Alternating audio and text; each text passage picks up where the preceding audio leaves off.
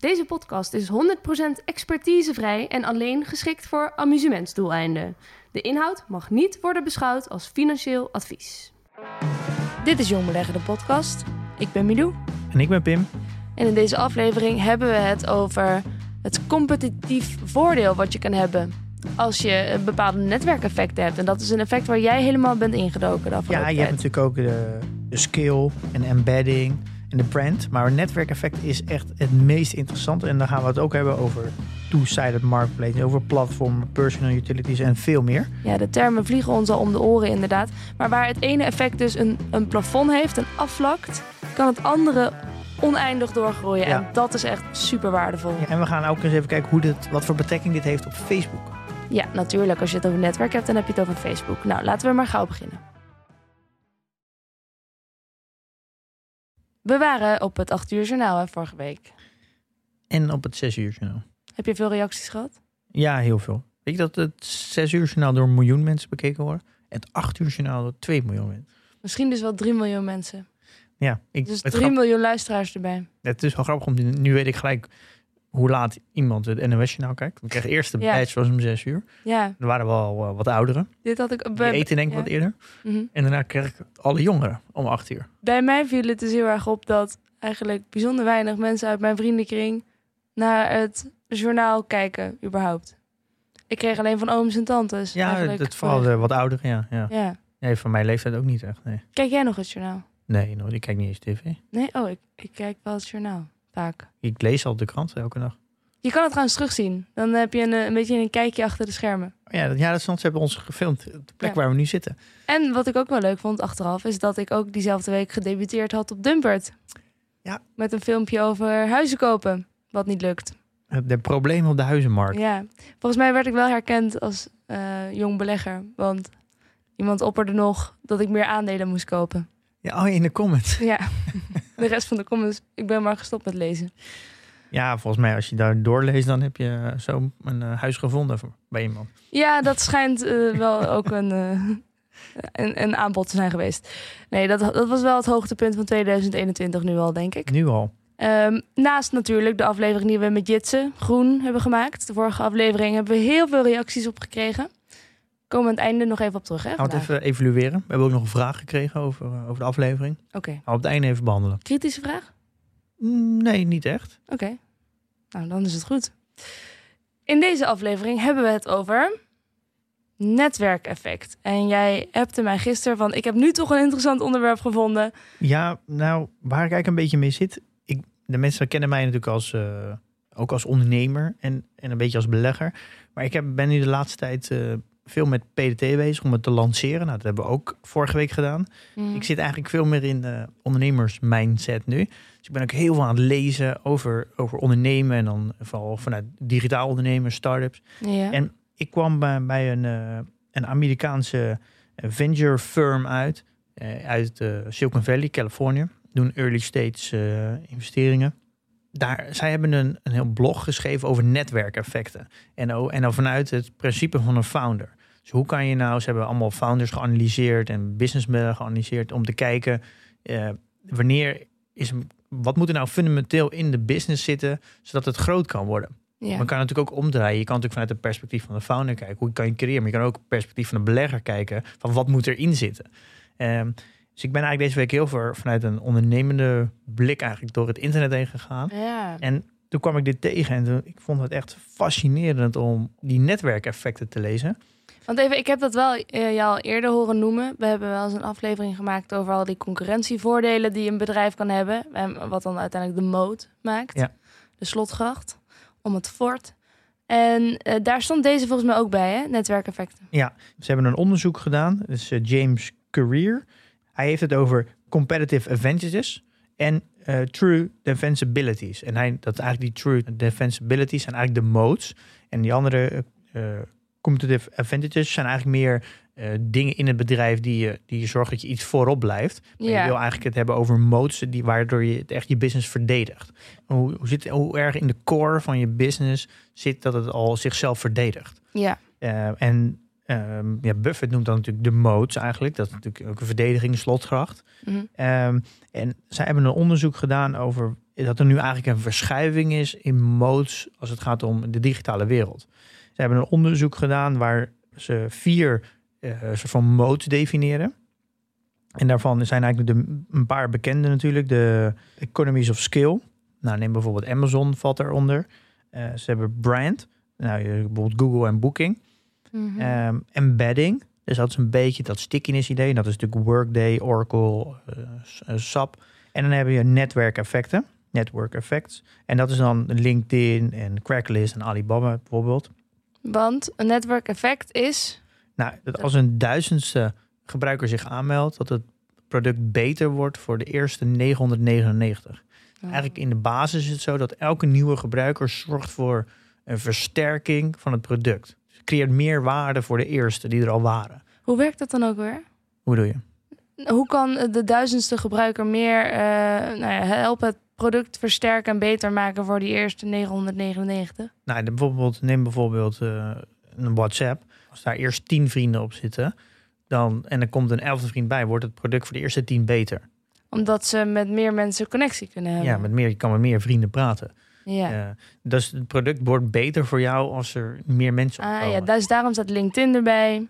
Ja, eh, dat zijn echte netwerkeffecten. En hij zegt dat moet in de core van je business zitten. Want het is heel moeilijk om dat nog later in te creëren. Mhm. En eh, hij zegt eigenlijk, dus van die vier is netwerk bij far de sterkste. Ja, op, op lange termijn heeft het het sterkste effect. En daar zijn ook bepaalde wiskundige formules voor. En daar komen we dan zo even op. Mhm. Eh, maar hij heeft dus een onderzoek gedaan eh, naar eh, hoe erg netwerkeffecten verantwoordelijk zijn voor alle waardecreatie in tech. En daar is, is hij tot de conclusie gekomen dat 70% van alle waarde die gecreëerd is in technologie in de afgelopen 23 jaar komt van netwerkeffecten. En wat, wat, wat is dan precies de waardecreatie die je meet? Hoe, wat is, Nou, wat ze is hebben een onderzoek gedaan naar eh, alle bedrijven tussen 1994 en 2007, die in die periode minimaal een miljard waard zijn. Daar hebben ze voor elk bedrijf het businessmodel geanalyseerd en of daar een, een netwerkeffect in zit. Ja. Dus heeft hij eigenlijk elk bedrijf geanalyseerd en een bepaald label opgeplakt. Of het nou economy of scale is, of embedding, of een netwerkeffect. En dan heeft hij dus gefilterd op de netwerkeffect en hoeveel waarde hebben die gecreëerd. En hij komt uit op 70% van de waarde die gecreëerd is tech, heeft een bedrijf een netwerkeffect in de core. En hoe meet je dan de waarde die is gecreëerd? Nou, dat is natuurlijk, ik denk dat marktkapitalisatie. Dus hoe groot is het bedrijf geworden? Ja, oké. En dus hoeveel, dus uiteindelijk is 70% van als je alle bedrijven kwam erop stellen in tech, is 70% is door netwerkeffecten. Gegroeid. Ja, eh, en Hmm. hij legt uit hoe dat ook komt. En er moet er wel bij zeggen dat bijvoorbeeld Microsoft is natuurlijk ook een netwerkeffect. Wel, hoezo ook weer? Ehm, moet me even, want het is best wel een abstracte materie voor mij. Nou, nou, en- Microsoft heeft in de vorm van een netwerkeffect. Is dat als je Microsoft gebruikt, dan gebruik je daarna ook het Word en Excel. En Ja, dat, deel je dan weer met anderen. Eh, dus die gaan dan ook dat gebruiken, want anders kan je niet onderling delen. Dus het gaat zo door. Ja, dus Ehm, daar komen high switching costs bij kijken. Nou, maar het is in wezen een netwerkeffect. Want Ja. als, eenmaal, eh, eenmaal, als je het eenmaal gebruikt, dan gaat iedereen Excel gebruiken. Want anders kan je onderling niet met elkaar delen. Ja. Eh, dat was dan toen de tijd zo. Ja. Eh, maar die valt dus niet in deze selectie, want die is opgericht voor eh, 1994. En Amazon valt er ook niet onder, Hm. want die valt onder de economy of scale. Dus de twee onwijs grote bedrijven die heel veel waarde hebben gecreëerd, vallen niet in die 70%. Dus dat zegt nog meer over hoe hoog dat percentage is. Dat dat echt Ja, dus ehm, en veel waarde En hij legt eigenlijk ook uit, ook aan de hand van wiskunde en waarom het effect zo groot kan worden. Omdat namelijk elk ander effect uiteindelijk plafond. En heeft hij, laat hij ook nog een mooi voorbeeld zien dat eh, een verschil tussen de meest waardevolle bedrijven in 2004 heeft hij de top 12. Er zit één netwerkeffect in, dat is Microsoft. En de rest is eh, bijvoorbeeld Exxon, Pfizer, Walmart en zo. Eh, Bank of America. En dan heeft hij, pakt hij 2021, de meest waardevolle bedrijven. Daar zitten Even kijken hoor. Zitten acht netwerkeffecten in van de twaalf. Eh, dus hij geeft eigenlijk aan dat al het succes in bedrijven, daar moet een in de kern netwerkeffect zitten. Ja, Eh, an- anders ga je gewoon nooit heel groot kunnen en worden. dat komt dus bij uitstek kijken bij een digitale ja, en hij zegt ook, wereld. de digitale wereld leent zich. Een netwerkeffect is native aan de digitale wereld. Zo noemt hij dat. Dus dat is een soort van Het is geboren terwijl de, terwijl de digitale wereld zich Ja, ontwikkeld omdat heeft. het natuurlijk computers zijn. En, Ja. en eigenlijk dat maakt het dus heel makkelijk om een netwerkeffect Ja. te maken. Want zou er geen enkel netwerkeffect zijn van voor de digitale revolutie? Eh, nou, die heb je wel. Nou, bijvoorbeeld het, eh, de fax. Eén iemand met één fax is nutteloos. Ja. Eh, iemand met een tweede fax. dan in één keer kan je naar elkaar faxen. Maar als er een derde bij komt, dan vermenigvuldig je voor elke gebruiker de opties van één naar twee. Ja. En zo gaat het eigenlijk maar door. En dat is misschien wel een mooi voorbeeld. Als er bijvoorbeeld vijf mensen zijn waar je mee kan waar faxen kan je, heb je tien lijnen. Ja. Onderlinge lijnen. Maar als je eh tien mensen met een fax hebt, dan heb je 45 lijnen. Dus dat wordt het steeds krachtiger. Hebben we hier weer met iets exponentieels te maken? Ja. En is dat ook de reden, want je, je noemde net even tussen neus en lippen door... dat de andere concurrentievoordelen een plafond hebben, maar netwerkeffecten niet. Dat kan eigenlijk onbeperkt doorstijgen en alleen maar beter en beter en beter worden. Ja, kunnen we gaan het zo nog even verder over hebben bij Jussie. Maar je hebt daar zit een, dat is een asymptotisch eh, marktplaatsmodel.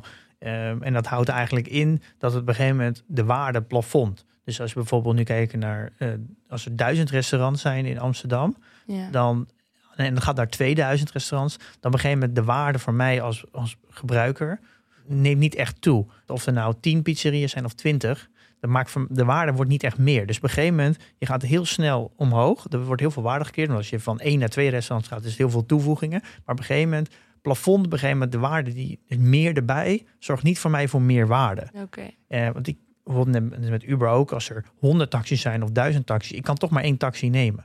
Eh, Ja, maar het wordt wel misschien goedkoper als er... eh, Ja, maar dat heeft ook weer een plafond. Op een gegeven moment kan je niet naar nul. Er moet, Nee. Dus het is ook goedkoper, heeft op een gegeven moment weer een plafond. Ja. Dus het is al, het, al, al die businessmodellen die vlakken af. vlakken heel erg af. Dus het gaat op het begin heel hard. Want of ik nou, dus als ik bijvoorbeeld naar twee taxis ga, dan kan ik hem binnen 10 minuten nemen. Ga ik naar acht taxis, kan ik hem binnen 7 minuten nemen. Maar op een gegeven moment Ja. zit ik op 100 taxis en dan krijg ik binnen twee minuten. Maar als ik naar 1000 taxis ga, blijft het ook twee minuten. Ja. Dus het voordeel vlakt af. Ja. En- En het is, dat is eigenlijk heel logisch als je erover nadenkt. En hij heeft drie verschillende wiskundige modellen. Mhm. Eh, eh, we hebben Sarnoff's Law, Metcalfe's Law en Reed's Law. Dat is zijn eigenlijk wiskundige formules, maar dat houdt eigenlijk in dat je hebt eerst instantie een centraal punt en daar zend je vanaf. En daarna, dus dat zijn eigenlijk allemaal bolletjes, maar het gaat allemaal vanuit het middenpunt naar iemand toe. Dan heb je eigenlijk de eh Metcalfe's Law en dat is eigenlijk dat al die puntjes bij elkaar connecten. Oké, dus het wordt vanuit binnen verzonden, maar die zijn ook weer allemaal onderling met Ja, elkaar ja, dus een soort van verbonden. een spinnenweb is dat eigenlijk. Dus dan krijg je heel veel lijntjes onderling. Ja. En dat is bijvoorbeeld een, eh, hoe dat werkt met bijvoorbeeld een, een, met faxen. Ja. Dat je kan in één keer naar iedereen eh, sturen. Mhm. Ehm, en eigenlijk met WhatsApp kan je dat ook een beetje zien. Je kan op een gegeven moment naar iedereen, hoe meer mensen in dat netwerk, hoe meer mensen je een WhatsApp berichtje kan sturen.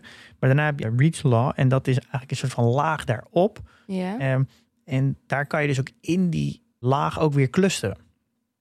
En dat, en dat is heel interessant.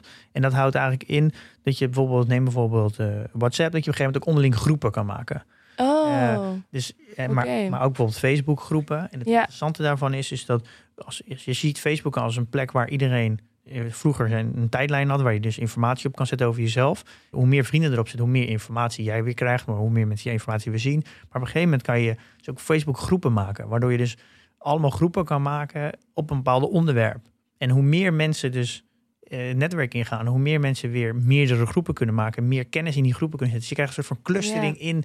En dat is een dat is nog meer exponentieel dan de vorige. Oké, ja, precies. Oké, dus die wetten, Sarnoff's Law, Metcalfe's Law en Reed's Law, dat, dat illustreert eigenlijk hoe dat, hoe dat precies werkt. En het ene model is nog beter dan het andere en nog meer waardecreatie dan bij Ja, want ander. bij de tweede, uh, met Kanslas zegt eigenlijk dat je voor elke gebruiker die erbij komt, eh, creëer extra waarde voor iedereen die ervoor was. Maar bij de reach law komt eigenlijk bij dat de waarde die je creëert in clustering gaat sneller dan de waarde die je creëert met het toevoegen van nieuwe gebruikers. Waardoor je op, een, op twee manieren eh, groeit eh, en waarde creëert. Ja, En, voor de, de gebruikers die er al waren. Dit, dit is natuurlijk machtig interessant. Ik raad ook iedereen aan om, om zijn onderzoeken te lezen. Het is super interessant. Hij heeft het heel erg over de single player mode. Eh, je hebt soms netwerkeffecten waar die alleen maar kip en ei zijn. Dus bijvoorbeeld een, marktplaats. Als je geen mensen hebt die dingen verkopen, komen mensen ook niet kopen. Dus je hebt altijd een beetje het probleem van, je moet het in evenwicht houden. Mhm. Als je heel veel mensen hebt die heel veel dingen aanbieden en er zijn geen kopers, gaan, die, gaan uiteindelijk de mensen die aanbieden ook weer weg. Ja. Dat balans moet er zijn. Maar een, een goed netwerkeffect dat succesvol wordt, heeft dus eigenlijk ook een single player mode. Dat iemand het platform opkomt waardoor je het product kan gebruiken eh, standalone, dus zonder anderen. Bijvoorbeeld WhatsApp kan je niet gebruiken zonder. Mhm. En dan heb je ook op een gegeven moment kan je ook naar een multiplayer mode dat je hetzelfde product kan gebruiken met anderen. En daarna wil je eigenlijk dat netwerkeffect erin hebben, waardoor het dus elke keer versterkt. En dat zijn, hij heeft daar heel veel businessmodellen geanalyseerd. En dat is vanuit die blik naar een digitaal bedrijf kijken. Of dat erin zit. Zijn eigenlijk heel erg ja, de echte modes die in een bedrijf zitten. Dat is de reden waarom bedrijven e- extreem hard kunnen groeien. Waarom het eigenlijk, eh, denk ik, als je kijkt naar alle technologiebedrijven, de grote technologiebedrijven, waarom die vroeger altijd heel duur leken, maar nu achteraf gezien altijd goedkoop leken. Omdat namelijk dit, de- deze exponentiële groei die erin zit, is eigenlijk het netwerkmodel. Daar, daar kan je eigenlijk bijna, daar kan je gewoon in je hoofd niet, gewoon niet bevatten hoe snel Ja. dat kan groeien. Waardoor eigenlijk altijd, het altijd duur lijkt. Ja, ik had eigenlijk gehoopt dat je zegt, je, je hoofd niet omheen werpen. Dat deed je eerst altijd. Ja, Maar nu heb je bevatten. Zo. ja, dat kan ik ook, kan, had ik ook kunnen zeggen. Maar betrek dit eens op PDT. Is daar een netwerkeffect? Nou, die zitten in, de, in, in het hele geheel wel een beetje in. Maar nog niet geïntegreerd in het product zelf. Want hoe zou dat ook werken? Nou, in, in wezen is een PDT nu een soort van single player mode. Mhm. Het is een product dat je aanmeldt en dan kan je het zelf gebruiken. Maar door de combinatie met de community wordt het een, een soort van multiplayer. Ja. Eh, In de zin van dat je van elkaar kan leren. Ja, in dat je je portfolio onderling kan delen. Ja. Ehm, en dat je van elkaar kan leren. Maar het idee is natuurlijk dat dat moet veel meer geïntegreerd worden. Want het, de waarde gaat hem straks inzitten als we, als, we dat, als we dat technisch veel beter faciliteren. Is dat elke nieuwe ge- belegger die erbij komt, die een heel specifieke kennis heeft, brengt weer heel veel waarde waar andere mensen weer van kunnen leren. Waardoor eigenlijk voor de, de alle beleggers die er al zijn, ehm het product krachtiger wordt. En dat Ja. wil je natuurlijk hebben. Er zijn heel weinig bedrijven waarvan als het groeit, dat de waarde voor de eerste gebruikers toenemen. Er zijn gewoon heel weinig bedrijven die dat hebben. En als dat in de core zit, ja, dan heb je echt iets bijzonders te pakken. Want ja, noem, denk maar eens na over de producten die jij gebruikt. Dan wordt het beter naarmate er meer mensen het product gebruiken. Nou, neem bijvoorbeeld Tesla. Ik heb een Tesla gehad en die werd gewoon elke keer beter. Elk half jaar kreeg ik een update, werd die beter. Ja. En hoe komt dat? Omdat steeds meer mensen Tesla gaan rijden, hebben ze meer data om te analyseren. Kunnen ze een software beter maken, waardoor mijn Tesla beter werd. En dat is natuurlijk een, een ja, dat is natuurlijk iets magisch in een businessmodel. Als dat in een bedrijf zit, dan heb je eigenlijk, ja, dan is het een soort van oneindigheid creëren bijna. Want het is niet meer in te halen dan. En dan neem je bijvoorbeeld ook met Google Maps. Een heel mooi voorbeeld. Je gebruikt Google Maps omdat je dan actuele data krijgt over waar de files zijn. Ehm, en ja. er, En flitsmeister? ja, flitsmeister ook. Er kan maar één flitsmeister zijn. Want er is al, ja, als er dus een ander komt, die, is- er is altijd eentje beter. En iedereen gaat naar degene die beter is, want dat geeft je betere informatie. En Ja. als je betere informatie geeft, blijf je daar. Als je daar blijft, krijg je flitsmeister meer informatie. Zo, dat is natuurlijk een, Ja. een, een soort van netwerkeffect. Waardoor je, met creëer je ook gelijk monopolies. En daarom is het, het businessmodel zo krachtig. En ik heb nu eigenlijk al een paar voorbeelden gehoord van hoe dat netwerkeffect zou kunnen zijn. Dus het kan beter worden door data die eh, verzameld wordt, waardoor het product dat iedereen heeft beter wordt, zoals bij de Tesla. Maar het kan ook dus zijn, zoals bij Microsoft, dat ik heb bijvoorbeeld eh, Excel. En als een ander geen Excel heeft van Microsoft, dan kan die dat niet gebruiken. Dus hoe meer mensen Microsoft hebben, hoe, hoe gunstiger dat voor iedereen wordt onderling. Ja, nee, dat klopt. Zijn er nog meer soorten? Ehm, ja, nee, absoluut. We, zij hebben 15 verschillende type netwerkeffecten gedefinieerd. Oké. Kunnen we zo even doorlopen. En het is ook van, op, op eh, volgorde van sterkte.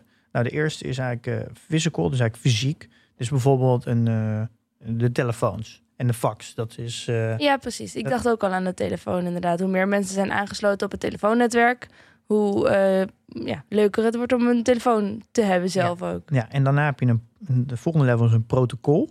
Nou, dat is bijvoorbeeld eh, Ethernet. Wat is dat ook alweer? Nou, een protocol is eigenlijk een, een soort van ja, een, een laag waar bepaald wordt hoe, de, hoe er gecommuniceerd wordt. Dat is eigenlijk het Ethernet. Dat is een protocol. En dat is, dat is eigenlijk het, eh, de basis van hoe, hoe je een, iets aansluit op het internet. Oké. Eh, dan heb je een personal utility, dat is nummer drie. En dat is bijvoorbeeld WhatsApp en iMessage. Dat is, Ja. Als eenmaal iedereen WhatsApp gebruikt, nou dat ge- gebruikt in Nederland, dat is de kans dat, dat we met z'n allen overgaan naar een nieuw platform, is eigenlijk bijna niet heel. Ja, zoals Telegram, daar hoorde je een tijdje veel over. Dat ze wat veiliger zijn en zo. Dan heeft het dat nog als voordeel. Maar uiteindelijk zit nog bijna iedereen gewoon op WhatsApp, volgens mij. Ja, dat is, dat is, het is een extreem sterk netwerkmodel. En de volgende is eh, personal, dat is bijvoorbeeld Facebook en LinkedIn, omdat daar je gebruikt namelijk je persoonlijke naam, je hebt persoonlijke connecties. De verschillen tussen personal en utility, eh, personal utility zijn niet heel groot, toch? Ehm, nee, een, Want het verschil tussen WhatsApp en Facebook, het heeft allebei te maken met dat je met elkaar in contact bent, toch? ehm, ja, maar een utility is een. eh, je kan eigenlijk, je kan eigenlijk niet zonder WhatsApp. Tragisch, maar waar. Het is eigenlijk een. Je, we kunnen niet. Nou ja, het is gewoon waar alle communicatie gebeurt. Je bent gewoon letterlijk afgesloten van, van al je vrienden en familie als je geen WhatsApp hebt. Ja. En, en met Facebook, dat, dat, ja, LinkedIn zou je prima zonder kunnen. Oké. Wordt ook lastig, maar kan wel. En de volgende is eh, market networks. Dus eigenlijk daar zit heel erg gebaseerd op transacties. Dus als je mensen zijn daar heel transactioneel. Neem bijvoorbeeld AngelList, waar we het over hadden met Jeroen. Ja. Eh, dat is een platform waar eh, mm, ja, investeerders en eh, bedrijven bij elkaar komen met, met het idee dat er een transactie gedaan moet worden. Eh, nummer zes is de, een marketplace. Nu krijgen we eigenlijk de, de drie vormen van een soort van ehm, ja, marketplace, de two-sided marketplace. En dan hebben we de eerste is, is de marketplace zelf. En dat is de eBay en Craigslist. Nou, Craigslist is een beetje de een soort van marktplaatsidee. De Mensen bieden zich aan en mensen nemen dat af. Dat is de krachtigste van de, van de drie eh, marktplaatsen eigenlijk. De two-sided marketplaces. Ja. Ehm, dan hebben we bijvoorbeeld een, eh, een platform. En dat noem je denken aan Windows, iOS en Android. Besturingssystemen. Eh, ja, bijvoorbeeld, ja. Dat is een, een, is een platform. Ja. Ehm, en dan hebben we de asymptotische marktpla- marktplaatsen. En dat zijn de Ubers en de Just Eat en, en Lyft. En dat, En die zijn asymptotisch omdat ze dus afvlakken naarmate er... eh, ja. Ja. ja, en dat is wel interessant. Want ik dacht al dat het, alle marktplaatsen gewoon het soort van hetzelfde waren. En zij hebben eigenlijk een, een gelaagdheid gecreëerd. Drie lagen in de type marktplaatsen. Ja. En daar komen we straks bij Just Eat even op. En dat is, dat is eigenlijk een hele, hele interessante. Zij hebben ook een hele analyse geschreven over dat iedereen denkt dat Uber een, een, gewoon een marketplace is. En daardoor een extreem sterk netwerkeffect heeft. Maar ze hebben een asymptotische marktplaats. En die is veel minder krachtig. Zij zeggen ook dat de, de, eh, Uber zwaar wordt overschat. Wat het daadwerkelijk is. Oké, maar uiteindelijk is het toch gewoon een, een, een niche die ze hebben uitgezocht. Namelijk alleen maar auto's. Is dat ook het verschil tussen een asymptotische marktplaats en een andere marktplaats? Dat een asymptotische marktplaats zich echt richt op maar één specifiek punt? Nou ja, de- de basis is eigenlijk dat als Uber heel populair is in New York en er komen heel veel chauffeurs bij, dan creëert dat niet extra waarde voor de users in Californië. Nee. Eh, En als iemand zich op eh, eBay aanmeldt, dan creëert het zowel waarde voor alle Amerikanen. Eh, want je kan dingen gewoon verzenden naar, naar Californië of naar New York. Dus het zijn eigenlijk, eh, en dan komen we eigenlijk ook bij het stukje van Just Eat. Elke keer dat Just Eat naar een ander land gaat en bijvoorbeeld zich uitbreidt nu in Londen, creëert voor mij als gebruiker in Amsterdam geen waarde. Mhm. Dus het netwerkeffect is, is lokaal en gelimiteerd. Dus als je denkt, hey, Just Eat en Uber hebben een netwerkeffect. Ja, dat klopt. Maar het is wel de, een, de meest zwakke vorm van een marketplace. En die is asymptotisch, waardoor het uiteindelijk plafond. En het heeft geen exponentiële groei. En hoe wij allemaal marketplace zien, is een exponentiële groei. Ja. Dat zien we natuurlijk met Marktplaats ons zich in Nederland. De Marktplaats.nl. Er is maar één Marktplaats.nl. Ja. Omdat de Marktplaats is, is een marketplace en dat is, heeft exponentiële groei. Is dat als er... eh er kan er maar één zijn eigenlijk. Ik snap het. En wij denken allemaal, of wij dachten, dat Uber en Just Eat ook een marketplace was. Maar dat is het, dat is het niet. Ja, ja. En er komt straks mee ook een mooie afbeelding om dit te visualiseren straks. Straks in de podcast, dames en heren, kunt u kijken naar een afbeelding. Het is, het is een, dit, voor mij zit een heel interessante inzicht over dat de ene marktplaats niet de ander is. Ja. En dat er een, een heel ander effect in zit. Een nieuw inzicht voor jou ook. Ja, voor mij zeker, ja. Hm. Ehm, en dan hebben we negen de, de expertise. En dat is bijvoorbeeld eh, de Adobe, WordPress en Salesforce. Die hebben een, eh, een echt een, een, een product waar een, een, een hele specifieke expertise in zit. Eh, dan hebben we data. En nummer 10, dat is bijvoorbeeld nou, eh, wat ik net... En Adobe, ik gebruik Adobe. In welke zin wordt dat beter naarmate er heel veel mensen zijn aangesloten? Ehm, nou, het is, het is ook het. Je kan eigenlijk alleen maar samenwerken als je, als je met z'n allen Adobe gebruikt. Ja. Eh, en daarnaast is het dat jij hebt een bepaalde kennis van Adobe. En daar heb jij zoveel tijd in gestoken om dat te doen, om dat te leren, waardoor jij overstap naar een nieuwe heel klein wordt. Waardoor als jij ergens anders heen gaat, het altijd mee zou willen nemen, omdat namelijk jij Ja. als mens heel veel waarde verliest. Ja. Eh, High switching cost. Ja. Ja. Is dat ook een netwerkeffect eigenlijk? Ehm, zij halen eigenlijk die er een beetje uit als, eh, als heel specifieke categorie. Die zou je wel inderdaad wel iets. Die zit meer in de embedding, denk ik, in de losse categorie die ze hebben. Uiteindelijk overlapt het natuurlijk allemaal een beetje. Ja. Eh, je merkt ook dat het steeds meer afzwakt. Je hebt, en dan wel data heb je. Eh, nou, dat is ook Waze, dat is een beetje de. Die heeft Google overgenomen, dus de Google Maps eigenlijk nu. En dat is als je meer. En Flitsmeister, dat is natuurlijk data. Mhm. Dan heb je tech performance, nou, bijvoorbeeld BitTorrent en Skype. En dan language als eh, netwerkeffect. Dus bijvoorbeeld van even googlen of ik pak een Uber. Dat dat echt een eh, bedrijfsnaam wordt eigenlijk een werkwoord. Oké, ja. Ehm, nou, dan heb je beliefs. Dan moet je denken aan eh, religie, goud. Hoe meer mensen erin geloven, hoe waardevoller het wordt. Ah, ja. Ehm, dus dat netwerkeffect. Goud. Wel leuk dat hij erbij staat, toch? Nou ja, hoe meer mensen erin geloven dat dat... dat Zou de bitcoin er ook bij kennen? Ja, cryptocurrency is natuurlijk ook een van. Eh, ja, hoe meer mensen in bitcoin geloven, hoe, hoe waardevoller het wordt. Ja. Het is natuurlijk ook een netwerkeffect. Ja. Net als geloof natuurlijk. Ehm, dan heb je de, de bandwagon, noemen ze dat. En dat is eigenlijk dat je in dat ecosysteem zit. Bijvoorbeeld van Apple is daar een heel mooi voorbeeld. Is dat als je eenmaal in Apple zit, dan ga je ook andere dingen van Apple Ja, gebruiken. ja, het is een trein waar je op springt. Ja, Ja. krijg je elke keer. Dus Ja. op een gegeven moment wil je ook de oortjes van Apple en zo door. Ook een netwerkeffect. En dan heb je de tribal. En dat is meer de, ja, de bijvoorbeeld de Harley Davidson en, de, en ook de Apple. Is dat je een soort van de bijbel, een soort van bijna een soort van cult. Ja, en die mooie tatoeages. Heet ook Ja. tribals, toch? Eh, daar komt het denk ik ook vandaan. Ja. Dus dat, dat zijn ze alle 15. En je hoort al dat het de kracht afneemt. Eh, en zij hebben er eigenlijk 15 gedefinieerd. En het is natuurlijk niet zo dat, dat als bedrijf zijn dat je er maar één hebt. Dat, het gaat, de, ze hebben er 15 gedefinieerd, zodat je ook een bedrijf kan analyseren om te kijken welke van die 15 zitten daar allemaal in. Ja. Ja, dit is, door deze lijst kan je op een hele andere manier naar, naar bedrijven kijken. Eh, en als we nou bijvoorbeeld Facebook nemen. Nou, Facebook is een beetje de, de holy grail als het gaat om netwerkeffecten. Mhm. Eh, Mark Zuckerberg heeft ook heel vaak gezegd in het verleden in interviews van iedereen onderschat zo erg de kracht van het netwerkeffect in Facebook. Eh, dat heeft hij zo vaak herhaald Ja. in interviews. En nu snap jij het. Ja, ik- nou, dat is het, dus het ding. Iedereen denkt constant, nu is Facebook wel geplafond. Maar elke keer wordt het weer zoveel groter. En om- Ja. hij zegt elke keer, jullie onderschatten het netwerkeffect. Zegt hij elke keer, elke Ja. keer weer. Ook als je, nee, je moet wat op mijn afbeelding, maar straks op de show notes, je ziet ook de, de effecten van het netwerk, hoe stijl die omhoog gaat. Dus begrijpen we gewoon bijna een rechte lijn omhoog. Nemen we Facebook even als voorbeeld? Ja, we kunnen Facebook even als, eh, als voorbeeld nemen. Ja. En die heeft alle vier de soort van de mode, de skill, de brand, de embedding en de netwerkeffect. Ja. En in het netwerkeffect hebben ze er zes. Van de netwerkeffecten die we net hebben Ja. eh, uitgestippeld. En het is eigenlijk door de jaren heen is dat is natuurlijk steeds verder uitgebreid. En Mark Zuckerberg is eigenlijk, die is echt de master als het gaat om netwerkeffecten. Alle grote dingen die hij bedenkt, zit in de core een netwerkeffect. Anders, Mhm. anders implementeert hij het niet in, in Facebook. Oké, hij- welke, welke, ja? En hij heeft soms wel eens nieuwe functionaliteiten ge- geshipped, waar in de kern een netwerkeffect effect in zat. Maar omdat het niet op gang kwam, dan was hij misschien te vroeg, of hij heeft het niet genoeg gepusht, heeft hij het ook weer gekild.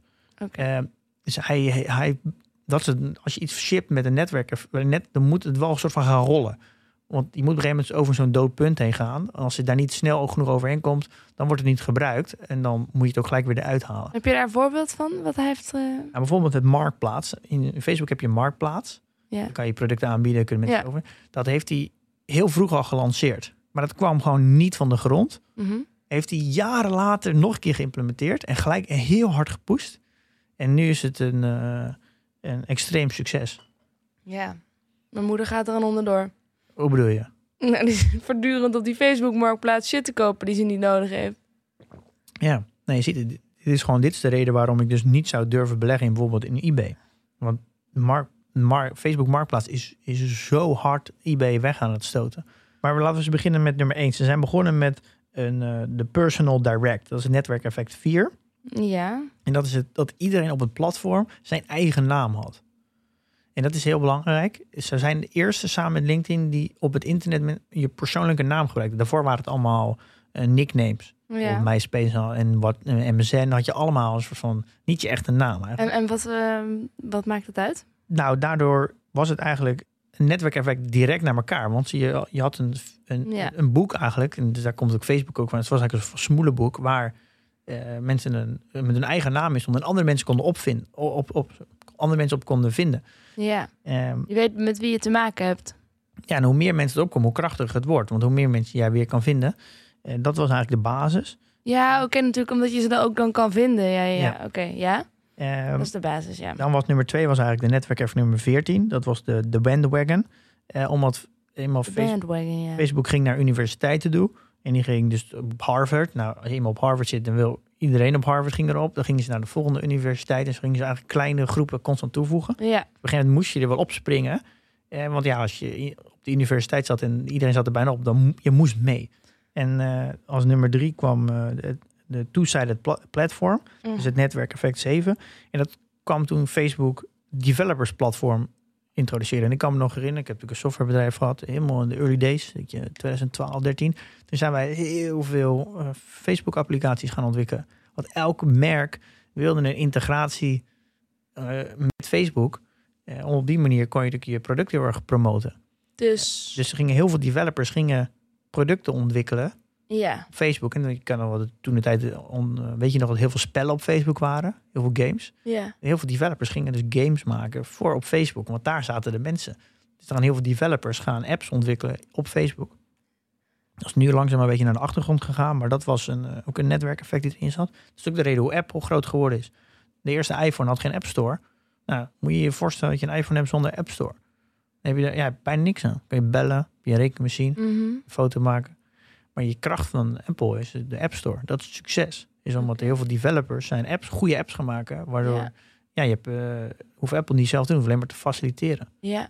Ja, en omdat er heel veel mensen op zitten, komen er veel meer developers op. Nou, meer developers betekent weer meer mensen. Ja, Nou, zo gaat het door. ik snap hem. Oké. Ehm, en daarna kwam eh, de two-sided marketplace, dat is nummer zes. Dus een geavanceerd advertentieplatform voor bedrijven. En, en dan later kwam de marketplace, Facebook Marketplace, of van de marktplaats op Facebook. Ehm, daarna heb je de data, dat Facebook, dus het netwerkeffect nummer 10. Ze begonnen real-time data eh, op de platform te krijgen, waardoor je Facebook ook echt kon gebruiken om op de hoogte te blijven wat er gebeurde in de wereld. Ja, konden dus eigenlijk bijna real-time laten zien aan jou wat er gebeurde op andere plekken in de wereld. Ja. Ehm, en en dat is een netwerkeffect. Omdat soms, ja, ik probeer het allemaal zelf erbij te bedenken. Maar die netwerkeffecten werken allemaal weer helemaal op hun eigen manier, merk ik. het idee is dat elke keer, omdat het eh, real-time is, gaan mensen er veel vaker op zitten. Gaan mensen er veel vaker op plaatsen. Zien ze de allernieuwste dingen als eerste daar. En zo Dus we gaan ook natuurlijk de bedrijven zelf, zoals de kranten, eerder weer hun dingen op Facebook ja, plaatsen. zo houdt ja. het constant in stand. Het is natuurlijk, eh, Ja. ehm, ja, sorry, ik ben een beetje traag vandaag misschien. En dan hebben we de nummer 6, de personal utilities. En toen kwamen ze met, toen kwamen ze met, toen hebben ze WhatsApp gekocht. En ik kan nog wel, de, als je het artikel ook terugleest, dat Mark Zuckerberg zegt, het maakt mij niet uit hoe duur WhatsApp is. Wij gaan het kopen. Want elke prijs die ik nu betaal, is later goedkoop. Nou, dat is natuurlijk een soort van de magische uitspraak. Want ook al zouden ze er nu 100 miljard voor betalen, is het nog steeds een koopje. Elke prijs is eigenlijk een koopje. WhatsApp is, is, is, is zo, krachtig, is. zo krachtig voor Facebook. En ze hebben natuurlijk Facebook Messenger. Eigenlijk, basically komt het weer dat alle communicatie die je doet, in op één, doe je via een Facebook-platform. Oeh. Er is bijna geen andere mogelijkheid om één op één met iemand te communiceren zonder Facebook. Ja, behalve met LinkedIn nog. LinkedIn is eh, Ja, LinkedIn is nog een... een dappere, strijdende soldaat. Dat is van eh, Microsoft. Oké, nou kijk aan. Ehm, Ja, ja, ja. eh, nou ja, dit zijn dus de, de, de negen ehm, ja, soort van modes die in, in Facebook zitten. En waarvan er zes echt een netwerkeffect hebben. Maar dit geeft eigenlijk de kracht van Facebook aan. Ja. Ik wil zeggen natuurlijk, er zijn ook risico's bij Facebook. Privacy, de public health natuurlijk. De gezondheid bij tieners nu zie je steeds meer. De overheidsregulatie. En er kan natuurlijk ook een negatief netwerkeffect in Is dit komen. je disclaimer van Facebook?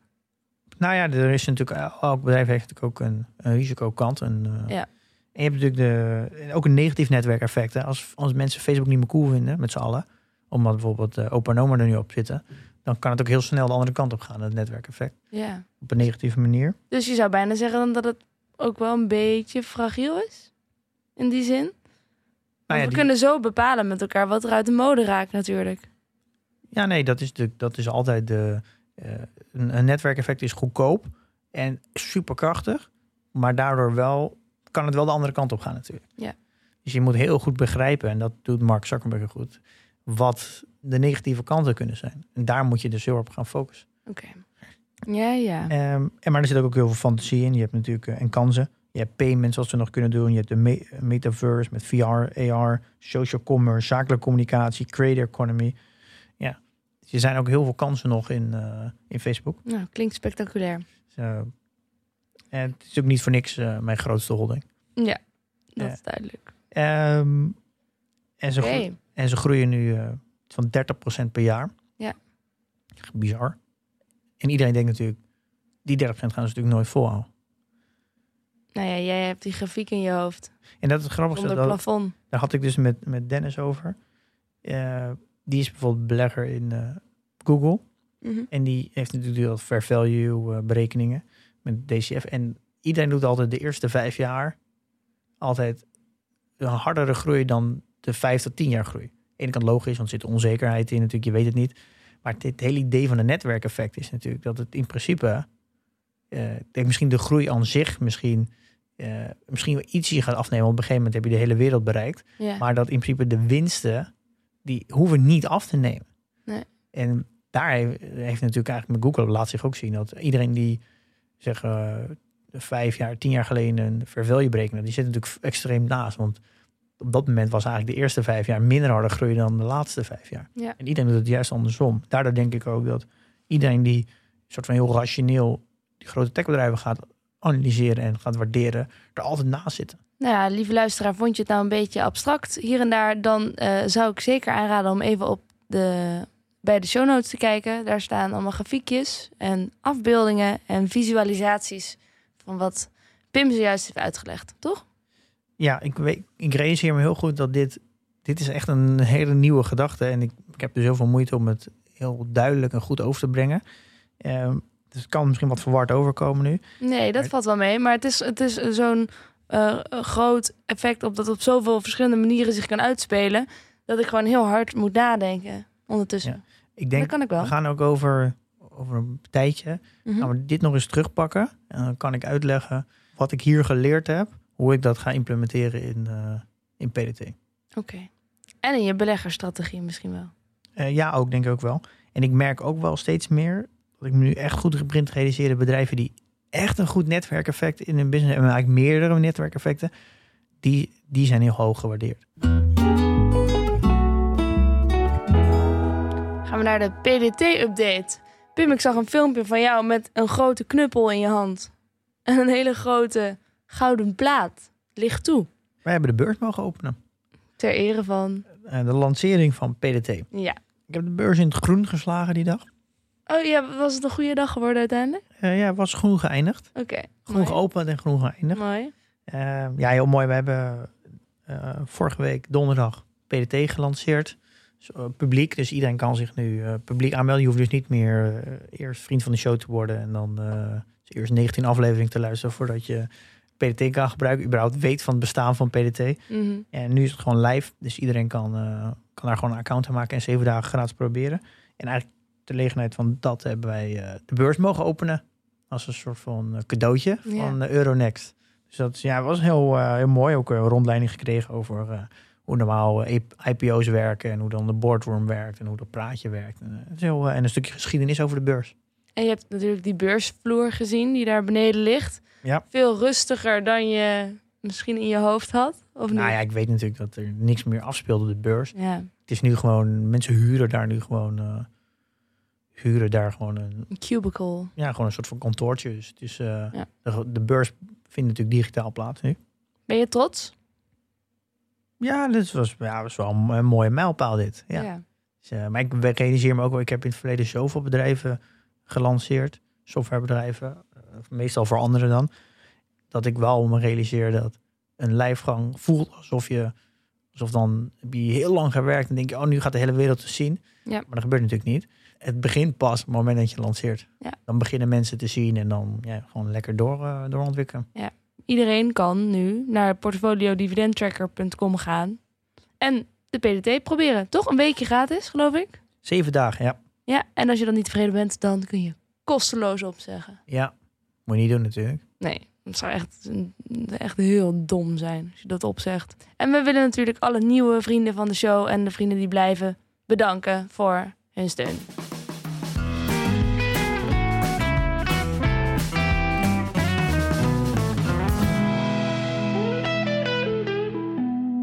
Ik heb best wel veel nieuwsitems. We moeten even kijken wat, wat we gaan behandelen. Maar laten we eerst eens beginnen met dat Universal Music Group in Amsterdam genoteerd staat.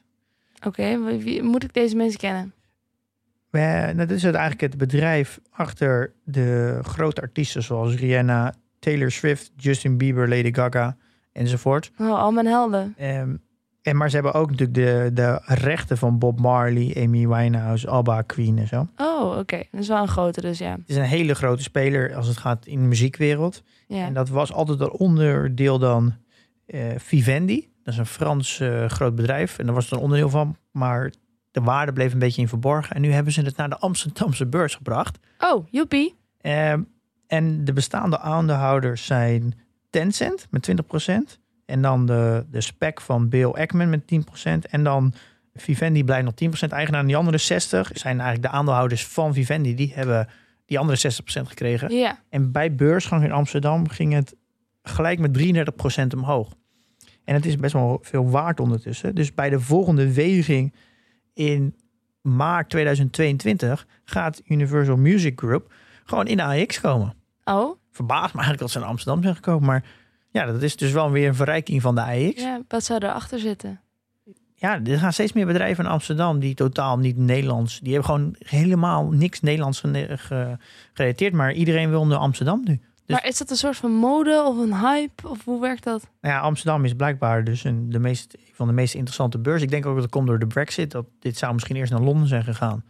Maar ja, Mhm. nu toch maar naar de AX. Want Maar- wat maakt een beurs eigenlijk uit voor een bedrijf? Ja, in, in wezen maakt het niet uit. Ik denk misschien ook qua aandacht. En dat de AX eh, meer een eh, technologiebeurs aan het worden. Dat, dat, dat ze Hmm. daar graag tussen willen staan. Maar ja, het, het komt dus denk ik vanaf maart volgend jaar gewoon in de AX. Nou, Dan hebben we dus een, eh, een groot bedrijf erbij. Dat in de allergrootste artiesten onder beheer heeft. Ja, that's cool. Nou, Universal Music, welkom in Amsterdam. Ehm, dus dat is natuurlijk een, een mooie beursgang en een succesvolle. Dus we hebben als, een, dus als je in de AX belegt, een tracker, dan heb je straks eh, volgend jaar denk ik ook eh, dit bedrijf erbij. Mhm. Eh, maar en, ja, in het, ja, het zit natuurlijk op de AX, dus de kans ook dat heel veel Nederlanders daar straks in gaan beleggen, omdat het natuurlijk dichter bij huis is en er wordt meer over geschreven, natuurlijk zeker mogelijk is. Ehm daar hebben we nog een andere Nederlander die gaat een bedrijf naar de beurs brengen Oké, in Amerika. Eh Sietse, en die gaat GitLab naar de beurs brengen. wat is dat? Dat is, die gaan denk ik over, denk ik over twee maanden om en bij naar de beurs. Dat is een, be- een bedrijf waar je als software developers samen aan een code werkt.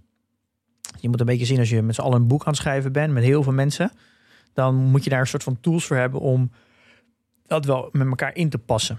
Je kan natuurlijk niet met z'n allen zomaar aan een boek gaan schrijven. Nee. Dus wat je dus moet doen, is dan maak je eerst een kopie van het boek. Kan je als developer, krijg je dat lokaal, kan je daar wat aan toevoegen. En dan kan je dus weer dat op een gegeven moment weer terugzetten naar, naar, de originele, naar het originele boek. En dan geeft dat de software heel erg duidelijk aan welke stukjes er zijn aangepast. Dus die merge eigenlijk die twee varianten met elkaar. Die geeft dat software geeft heel erg aan. Dit stukje is nieuw, dit stukje is nieuw, dit stukje is nieuw. Dan kunnen anderen daar een comment over geven. Dus kunnen ze nou, dit, dit werkt wel, dit werkt niet. En of we iets aanpassen. En zo kunnen ze dus weer een nieuwe waarheid creëren. Ja. Dan kan je dus met heel veel mensen aan één boek werken. In dit geval software dan. Handig. Ehm, dit heb je gewoon nodig. Je kan niet aan een heel, met z'n allen aan één software product werken zonder zulke soort. Ja. En er zijn eigenlijk drie concurrenten. Dat is Atlassian, dus Bitbucket. Nou, Ja. daar hebben we het over gehad. Dat staat op mijn watchlist. En GitLab, GitHub. Nou, dat is overgenomen door Microsoft. En dit is dan, eh, GitLab is dan eh, ook een variant. En dat is dan van, door een Nederlander opgericht. Eh, en het leuke aan dat bedrijf is dat het 100% remote is. Dus het is een van de eerste 100% remote companies. Dus ze hebben gewoon geen En, kantoor. Ze hebben 1600 man personeel en geen kantoor. wow. Ze zitten in 65 verschillende landen personeel. Nou ja, het is ook wel misschien weer logisch als je dus een softwarebedrijf hebt waar je werkt aan iets waar iedereen zelf op afstand kan werken aan iets. Ja, Dan is het best eh, ook wel slim om dat zelf dan ook te doen. Ja, grappig is dat, hè? Dat moet wel lukken. Ja. Ja, maar, dat is dus. we gaan dus naar Amerika. Ja, hij woont dus in Californië. Oh. eh, omdat het overgrote gedeelte van het personeel is Amerikaans. Mhm. Maar het is een Nederlander. Eh, maar gaat dus naar de beurs. Dus toch wel. eh, we hebben weer een Nederlandse miljardair erbij. Dat wordt denk ik gewaardeerd op om erbij 6 miljard. En hij heeft 19% belang nog. Dus eh, ja, dat is niet gek. Dat is niet gek, nee. Eh, weer een, eh, een Nederlander die, die het bedrijf naar de beurs brengt. En we hebben net een herweging gehad van de AEX. Al Elk kwartaal is er een Je herweging. fietst er even nog een nieuwtje in. En, en één keer in het jaar is er een grote herweging. Dat bijvoorbeeld de Universal Group ook in de AEX komt. Maar we krijgen wel die andere drie kwartalen hebben we een kleine herweging in vorm van dat de bestaande holdings anders gewogen worden. Ja. En daar zijn eigenlijk drie grote wijzigingen. ASML is teruggeschroefd van 20,7% naar 14,8%. Dus een verlaging van eh 5,9%. Dus dat is best wel pittig. Unilever is iets omhoog gegaan met 1,7%. En Proces die heeft natuurlijk zijn free float extreem verhoogd door de aandeelwissel te doen met Napster eh, een tijdje geleden. Dus die gaat nu van 3,5% naar 7,6%. Dus dus 4,1% meer. Dus je gaat nu merken dat als ASML stijgt, dat het ietsje minder effect heeft dan dat het hiervoor deed. Ja. En als Proces stijgt, gaat dat een veel sterker effect hebben dan hiervoor. Dubbel, een dubbel effect. Dus, eh, Ja. Dat zijn de grote verschillen. Oké. Eh, Ehm. tot zover het beursnieuws. Laten we het daar even bij houden. Gaan we naar eh, portfolio. Zijn transacties gepleegd, Pim? Ja, vorige week aangekomen hebben we natuurlijk dat is eruit gegaan. oh ja, want toen hadden we druk met Jitsen. Ja. Ja. Eh, maar ja, ik zal het nu even kort houden. Ik heb hm, JP Morgan verkocht. En ik heb eigenlijk dat geld over negen verschillende posities verplaatst. Dus ik heb, eh, nu ben ik op 20 posities. hey, dat is een soort ook wel een mijlpaal. ja, dus, dit is waar ik naartoe wilde werken. En eh, vanaf nu is het er eentje erin, is eentje eruit. Dus dat, eh, en mijn portfoliowaarde is eh 238.800. Oké. En mijn waarde is 7006. Kijk, ja, dan ben je ook wel goed gezakt. Ik ben ook flink gezakt. Ik ben in, twee- in twee weken tijd nu met 9000 euro gezakt. Ja, ik ben inderdaad veel gezakt. Nu het Ja, zegt. Ik heb ja. helemaal niet meer gekeken, moet ik zeggen. Nee, we beginnen, we beginnen een beetje te zakken. Dus, eh, dat is niet erg. Je hebt heel veel invloed, hè? Ja, maar dit is goed. Dit is goed. Het is goed Oké. om een beetje weer naar beneden te gaan. Uitverkopen en zo. Ja, maar ook gewoon gez- is gezonder. In een markt moet af en toe ook een beetje naar beneden gaan. Gaan we naar de reviews. Frenkel schrijft over de aflevering met Jitse Groen. Heel erg leuke uitzending. Wat gaaf dat het gelukt is om Jitse Groen als gast te krijgen. En wat leuk dat hij dit ook heeft gehonoreerd. Waar ik wel benieuwd naar ben, Pim Verlaan, is jouw kijk op Jet veranderd sinds je met hem gesproken hebt? Ik heb er natuurlijk wel over nagedacht. Ik, ik kom eigenlijk wel dat Jits is echt ondernemer. Ik herken, ik heb zoveel boeken over ondernemers gelezen. Je herkent gewoon in hem zoveel dingen als wat een goede ondernemer moet hebben. Ja. Eh, dat, dus dat, dat er voor mij al buiten kijkt dat hij echt een goede ondernemer is. Daarin ben je bevestigd. Ja, dat is- idee. het is- Ja. de, de, die, de ongelooflijke focus en, en die hij heeft. En ook de, st- de strategie en executiekracht. Dat is echt nou, dat is bijzonder als ondernemer. Het is ook- hij heeft ook niet voor niks een bedrijf gecreëerd dat eh 16 miljard waard is. Mm. Van heeft niks. Dat, hij doet daardoor heel veel dingen goed. Maar of Just Eat nou ook een... Kijk, hij, heeft, hij is hier gekomen doordat hij een hele goede ondernemer is. Maar ik vraag me wel, ik moet, daar ben ik wel wat eh, anders over na gaan denken Mhm. eh, dat de business, het businessmodel, gewoon de business aan zich, niet op een gegeven moment een limiterende factor gaat zijn. Ik heb niet het idee dat Jitsen een limiterende factor is, maar meer het businessmodel aan zich. Ehm, en ik denk ook als je belegt in Just Eat, dat je eigenlijk aan twee dingen, twee, in twee dingen moet geloven. Je moet eigenlijk geloven dat uh, Jitse dit kan. En de volgende vraag eigenlijk die je zou moeten, denk je dat dit businessmodel uh, uiteindelijk winstgevend gaat zijn? Dat zijn eigenlijk wel de twee belangrijke vragen die je voor jezelf moet beantwoorden. Uh, want de auto-industrie groeide ook altijd heel hard in de vliegtuigindustrie. Maar die zijn uiteindelijk nooit echt winstgevend geworden. Nee. Dus dat is wel, denk dat realiseer ik me wel, dat het ligt niet aan Jitsen. Daar gaat het ook niet aan liggen, denk ik. Maar de vraag is veel meer, gaat gewoon überhaupt deze industrie, deze vorm van business, een winstgevende business worden? Daar moet je wel echt in geloven, anders moet je niet in, denk ik, in, uh, in Just Eat beleggen. Ja. Um, en ja, gaat food delivery uiteindelijk uh, winstgevend worden? En als ik dus die businessmodellen aan het analyseren ben, en dan ben ik dus ook naar, naar Just Eat gekeken.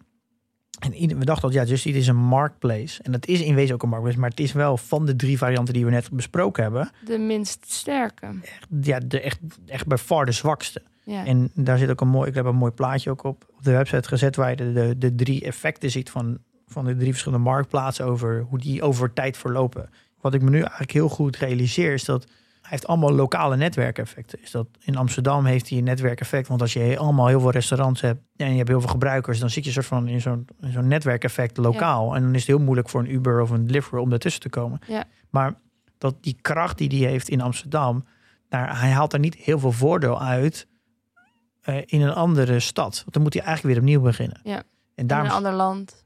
En hij weet dat ook, want daarom zegt hij ook dat het bijna onmogelijk is om iemand in te halen Ja. als iemand voorloopt. Dat heeft hij heel duidelijk uitgelegd. Dat als iemand, je kan al wel harder groeien, maar aan, aan, aan absolute orders haal je het niet meer in. Nee, dus het enige wat je kan doen is overkopen. Ja, wat hij ook zei is dat wij voegen meer absolute orders toe dan heel nummer drie heeft. Hij realiseert dat ook heel goed, waardoor je, maar waardoor je eigenlijk in dat businessmodel dus eigenlijk niet echt een netwerkeffect heeft. Ja, het netwerk is dus heel klein, maar hij heeft dus eigenlijk allemaal mini-netwerkeffecten. Ja. Waardoor, maar hij kan niet die synergie gebruiken. eh, ja, wel in technologie en in kennis natuurlijk, maar dat is natuurlijk wel minimaal. Helemaal op zo'n schaal is techno- technologie vrij goedkoop, want het is natuurlijk niet een heel complex. eh, Nee. Dus zijn eigenlijk soort zijn, zijn TAM is zijn total addressable markt is eigenlijk constant klein. Eh, hij kan niet zoals Tesla. Dus uh, hoe meer mensen gebruik maken van, elektrische, van, die, van de auto, dus hoe meer data die ze hebben, hoe meer je die autopilot kan verbeteren. En ze gaan maar door. Tesla kan het over de hele wereld uitzetten. Ja. Dus die hoeft niet in elke stad weer opnieuw te vechten voor, met een concurrent. Waardoor eigenlijk het een landschap gaat worden waar heel veel verschillende spelers blijven bestaan. En dat er denk ik de enige manier om dit winstgevend kan zijn, is dat er ooit een moment komt dat iedereen zegt: Oké, we gaan nu de markt verdelen en we laten elkaar met rust. Kan je, dan kan je wel serieus prijzen verhogen, want dan ben je de, de, de grote speler in een bepaalde regio. Ja. Maar dan is het wel heel belangrijk dat de concurrentie, dat, dat ze dat onderling een soort van met z'n allen geaccepteerd hebben. Ja. En dat de overheidsregulatie eh, nu niet gaat komen in de vorm van dat er in de fee caps gaan komen en allemaal dingen. Dus Mm. het is wel een, het is wel een netwerkeffect. Het heeft wel een moot, maar het is niet de, het is langer na niet de, de holy grail onder de moot. Oké. Ehm, en dat realiseer ik me eigenlijk wel heel goed. Ja, Ja. ik nu ook. Dus ja, dat, ik, ik hou gewoon mijn positie aan. Maar ik ben wel, ik, ik, ik, merk echt dat ik in Just Eat heel veel aan het leren ben over, over wanneer is een business nou echt goed en wanneer niet. En, ehm, maar dat moet ook wel zeggen dat eh, al met beleggen gaat het natuurlijk niet over dat je het altijd de allersterkste bedrijven belegt. Nee. Hè? Kijk, eh, neem bijvoorbeeld Dennis. Eh, Dennis belegt eh, in twintig verschillende bedrijven, maar die zijn allemaal stuk voor stuk natuurlijk niet, die worden niet de grootste bedrijven in de wereld. Hij belegt niet in de allersterkste bedrijven in de wereld. Zolang je maar een bedrijf voor een goede prijs koopt, eh, kan je daar prima eh, geld mee verdienen. Ja. Eh, maar dit is wel een, eh, ik heb er echt weer een hoop van geleerd. Ik vond het gesprek met dit zo echt heel leuk. Ik Echt. ook. En ik denk dat ik meer dat gesprek heb gevoerd als ondernemer dan als belegger. Eh, ja, ik vind dat ja, het is toch Ja. misschien nog wel meer een passie ondernemer dan belegger. En ik was gewoon lekker mezelf. Hè? Ja, maar dat ben je altijd toch? Ja, ik ben altijd lekker mezelf. Ehm, goed, oh ja, we hebben nog een oproep aan alle vaste luisteraars. Ehm, want we hebben nu 68 afleveringen gemaakt over, nou ja, een miljoen onderwerpen. Nou, dat niet helemaal, maar wel heel veel onderwerpen. En dus misschien zijn er nog wel onderwerpen waarvan jij denkt, hmm, dit is nog niet besproken of eh, nog niet genoeg. Verdient meer aandacht. Nou, laat het ons vooral weten. Ook als je denkt van, ik heb- weet nog een interessante gast die je moet uitnodigen. Ehm, want dan kunnen we dat in overweging nemen en misschien wel doen. Ja. Toch? Ja, een Ja. beetje eh, nieuwe ideeën. Is Ja. goed. Dus stuur een berichtje of laat een comment achter in de community. En nou ja, Ja, alvast... hebben, ik heb die post al geplaatst. Dus er zijn al heel veel reacties binnengekomen. Maar Oké. gooi je ideeën maar op. Ja, en Ook al- als je ook eh, interessante gasten hebt die je kent, die kan je ook aandragen. Ja, en alvast... Mhm. Ik ben vooral op zoek naar gasten die je niet zoveel hoort. Dus ik wil een uniek geluid. Dus niet alle, alle mensen die je altijd in alle andere podcasts en eh RTL Z en zo allemaal al hoort. En ik wil het liefst onafhankelijke mensen, het liefst particulieren die ergens heel veel kennis over hebben. Die Ja. vrijheid kunnen praten. Dat Ja. vind ik heel, heel belangrijk. Dus bedankt voor het meedenken alvast. En dan ja, rest ons nog één ding. As usual. Investeer in je kennis en beleg met beleid.